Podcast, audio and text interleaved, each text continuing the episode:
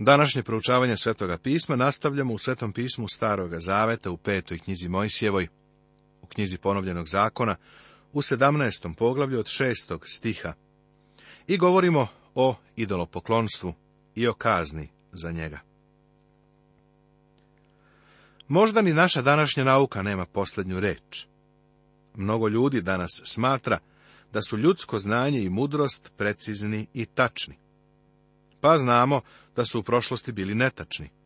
Ljudi su slavili sunce, mesec i zvezde, jer su mislili da su to nebeska tela prijateljski raspoložena prema njima.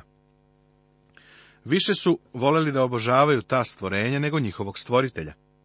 Ovo je bila Božja osuda za njih. Na svedočanstvo dva ili tri čoveka da se pogubi onaj koga valja pogubiti, ali na svedočanstvo jednoga čoveka da se ne pogubi. Zapazi kako pažljivo Bog štiti nedužne. Ovo nije smelo da se radi proizvoljno. Čovjek nije mogao da otrči kod vlasti zato što mu se nije sviđao neko od komšija i da ga optuži da obožava boga sunca ili aštarotu, vavilonskog boga ili vala ili afroditu ili bilo kojega od lažnih bogova. Da bi se čovjek osudio, morala su postojati bar dva svedoka ili više njih. U našem društvu jedan svedok može poslati čoveka u gasnu komoru ili na električnu stolicu. Lično smatram da se ovo ne bi smelo dogoditi. Bog je uvek zahtevao dva ili više svedoka. Bog je vrlo pošten u načinu postupanja sa ljudima. Poslušnost autoritetu U teokratiji ljudi su svoje slučajeve iznosili pred sveštenika ili pred sudije koje je Bog stavljao iznad naroda. U teokratiji narod nikada nije smeo da ima cara. Znamo da su kasnije oni tražili cara i da je Bog udovoljio njihovom zahtevu. Seti se psalma 106. 15. stiha. On ispuni molbu njihovu, ali posla pogibao na dušu njihovu. Ovo se odnosi na iskustvo u pustinji, ali je ovo istina koja uvek važi. Kada bi Bog odgovorio na mnoge naše molbe onako kako ih iznosimo, to bi bila najveća greška na svetu. Bog je milostiv, pa mnogo puta odbija naše molbe. On to čini i meni, a siguran sam i tebi. Međutim, Bog je prihvatio njihovu molbu za carem. U stvari, čak i ovde, pre nego što su i ušli u obećenu zemlju, Bog je postavljao propise i uredbe za njihovog cara.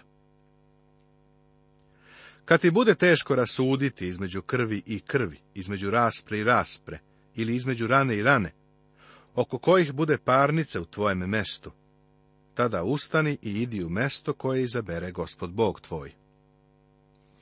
Ako se znači ljudi ne bi složili oko neke važne stvari, kako će se to rešiti, kada dokazi izgledaju jednako uverljivi sa obe strane? I otidi k sveštenicima, levitima ili k sudiji koji onda bude, pa ih upitaj i oni će ti kazati kako valja presuditi. I učini onako kako ti kažu u mestu koje izabere gospod, i gledaj da učiniš sasvim onako kako te nauče. Po zakonu kojemu te nauče i po presudi koju ti kažu učini, ne odstupi od onoga što ti kažu ni nadesno, ni nalevo. Pošto zakon nije pokrivao svaku situaciju, neslaganja treba izneti pred sveštenika. Ljudi su morali da se pridržavaju odluke koja bi se donela. Neposlušnost svešteničkoj presudi kažnjavala se smrtnom kaznom. Jedini slučaj ovoga zabeležen je u knjizi proroka Ageja u drugom poglavlju u 11. stihu. Siguran sam da je bilo mnogo ovakvih događaja. Ako je zakon pokrivao određeno pitanje i dogmatski davao pravila u vezi sa tim, onda očigledno nije bilo potrebe da se stvar iznosi pred sveštenika. Međutim, ako se problem iznosio pred sveštenika ili sudiju da bi se donela odluka, ta odluka je bila konačna i morala se poštovati. Zakoni o caru Bog zna da će doći vreme kada će narod tražiti da ima cara, kao svi ostali narodi. Bog kaže da njihov car mora biti Izraelac, a ne stranac. Ali da ne drži mnogo konja i da ne vraća naroda u Misir da bi imao mnogo konja, jer vam je gospod kazao, ne vraćajte se više ovim putem. I da nema mnogo žena, da se ne bi otpadilo srce njegovo, ni srebra, ni zlata da nema vrlo mnogo. Evo pravila za cara. Zanimljivo je primetiti da je car Solomon prestupio ova pravila. Pre svega umnožio je broj konja. Kada sam bio u Megidu, impresioniralo me je ne toliko armagedonsko bojno polje, koliko ruševine Solomonovih štala. U poređenju sa Solomonovim štalama, svaki hipodrom u ovoj zemlji u Americi bi izgledao kao iznajemljeni farmerski ambar. Na nekoliko drugih mesta su također iskopavane staje. Solomon je bio potpuno usmeren u tom pravcu. Bog je na to upozoravao. Uzgajanje konja će dovesti do uspostavljanja kontakta sa Egiptom, što je bila zamka, jer su u Egiptu gajene vrlo dobre rase konja.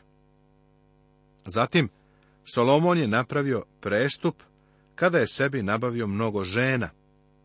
Bog je dao znake upozorenja mnogo pre nego što je Izrael imao cara.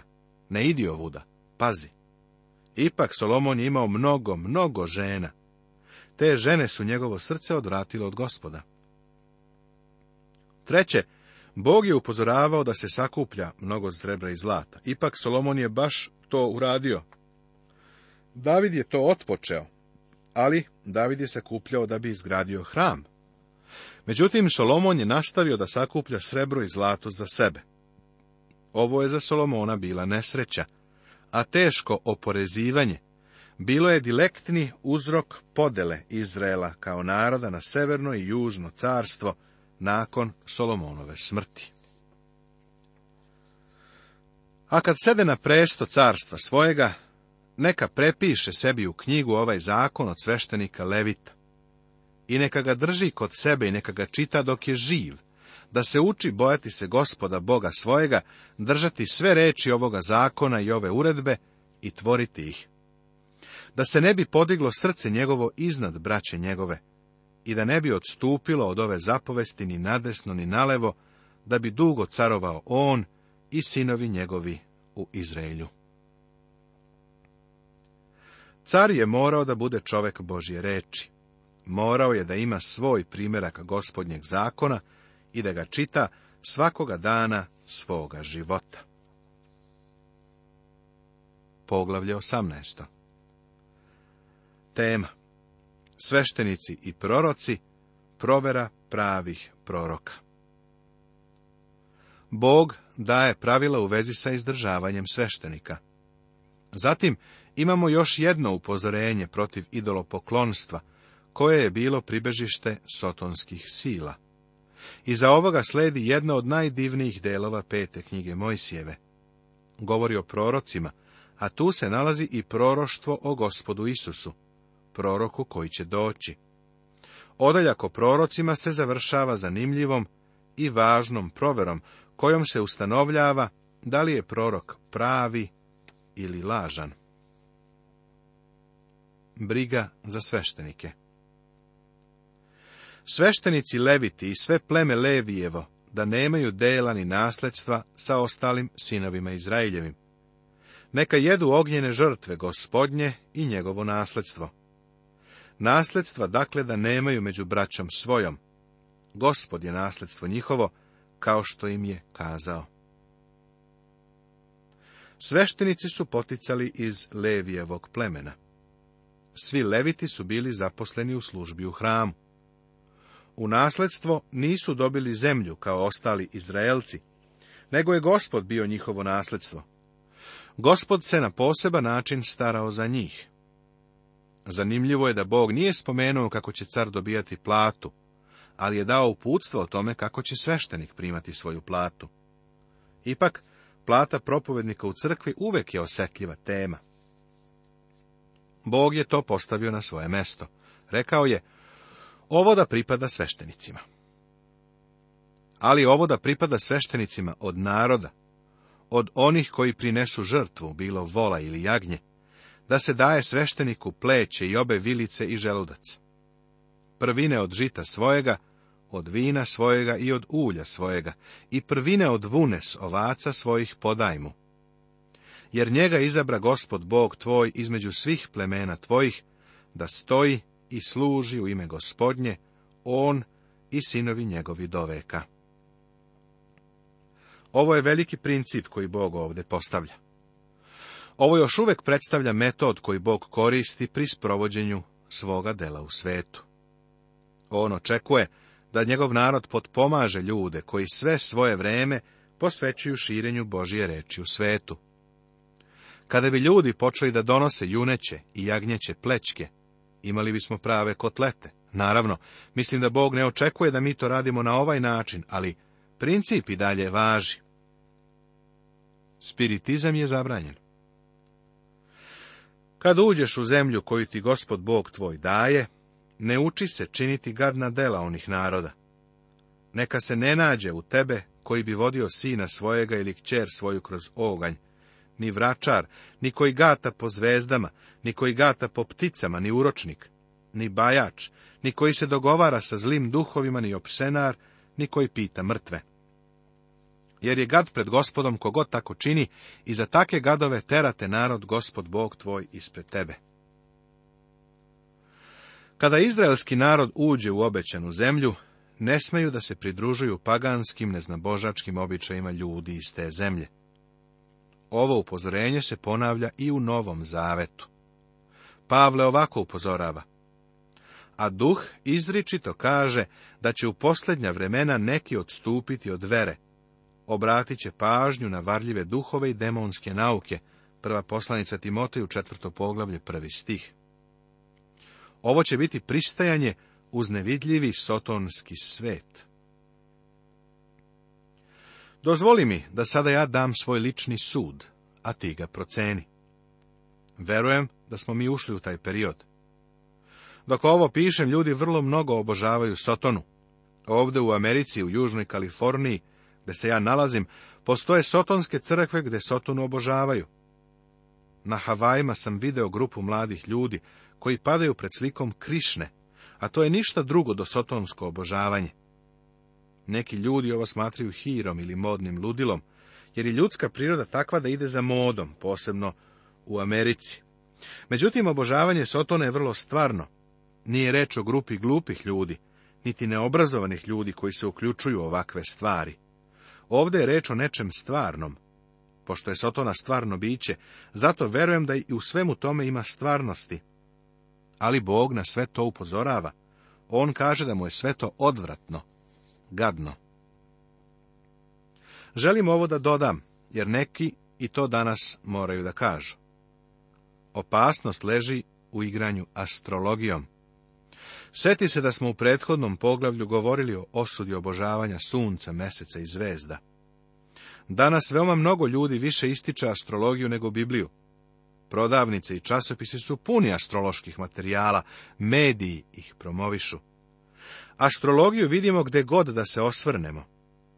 Prijatelju, astrologija je za gospoda gadost. Ne smatraj pogrešnim ovo što ti govorim. Bog to naziva gadošću. Zašto je to gadost? Zato što ovo odvlači ljude od živog i istinitog Boga, uvlači ih u tamu i demonizam. Demonski svet je stvaran. Postoje pali anđeli i duhovni svet. Ovo je sve stvarno i to ljude intrigira. Ljudi koriste droge i sva druga sredstva da bi uspostavili kontakt sa nevidljivim svetom.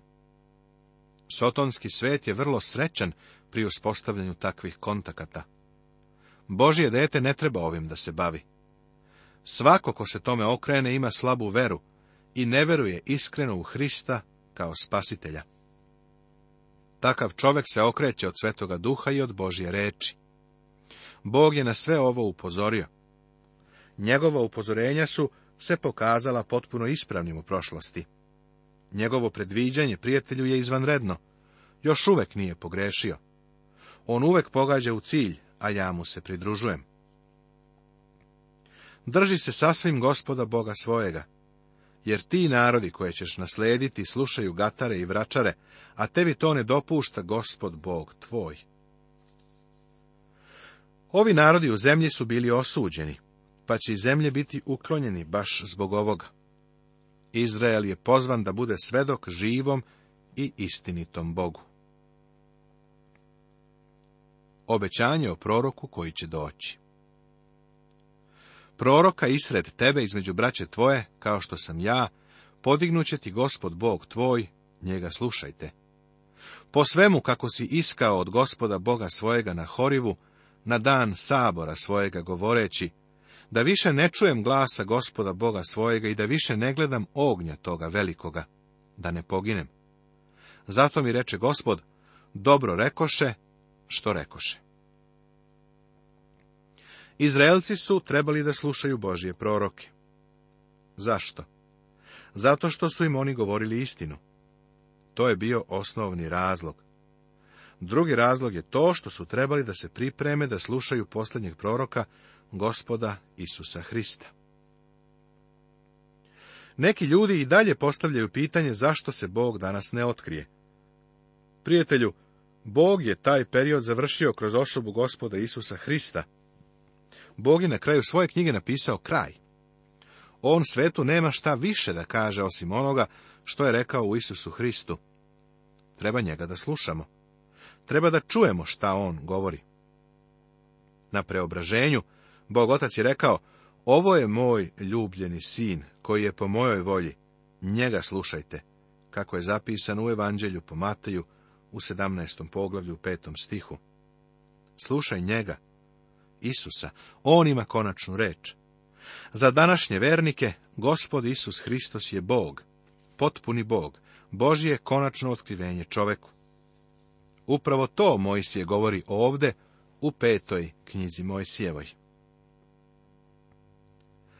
Proroka ću im podignuti između braće njihove, kao što si ti, i metnuću reči svoje u usta njegova, i kazivaće im sve što mu zapovedim. Ako god ne bi poslušao reči mojih, koje će govoriti u moje ime, od toga ću ja tražiti. Sjetit ćeš se da je gospod Isus stalno ponavljao da reči koje je govorio nisu bile njegove, nego očeve. Na primjer u Jovanovom evanđelju u petom poglavlju 30. stihu i nekoliko puta u Jovanu u šestom poglavlju. Gospod Isus kaže da je došao da ispuni ne svoju, nego očevu volju. Kada je gospodnja zemaljska služba završena, on je molio prvo svešteničku molitvu, koja je zapisana u Jovanu, u 17. poglavlju, gde ocu daje svoj konačni izveštaj. Završio sam sav posao koji si mi dao. Rekao sam sve što si želeo da kažem. Da je Bog trebalo da govori tada sa neba, ne bi rekao ništa što već nije rekao.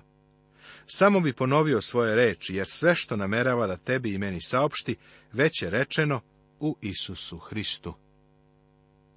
Zato treba da astrologiju ostavimo po strani. Ljudska priroda je sklona tome da istražuje nepoznato, da sazna budućnost. U čoveku je prisutna nezasita želja da se istraži misteriozno. Neki duh Kolumba je u svima nama. Baš sada mi istražujemo dubine prostranstva okeana. Želimo da dosegnemo nove oblasti. Ne samo da to činimo u prostoru, nego želimo da posegnemo u vreme. Čovek želi da upozna tu tajanstvenu budućnost. Šta je iza sutrašnjice? Šta nosi budućnost? Svi bi želeli da to znaju, zar ne?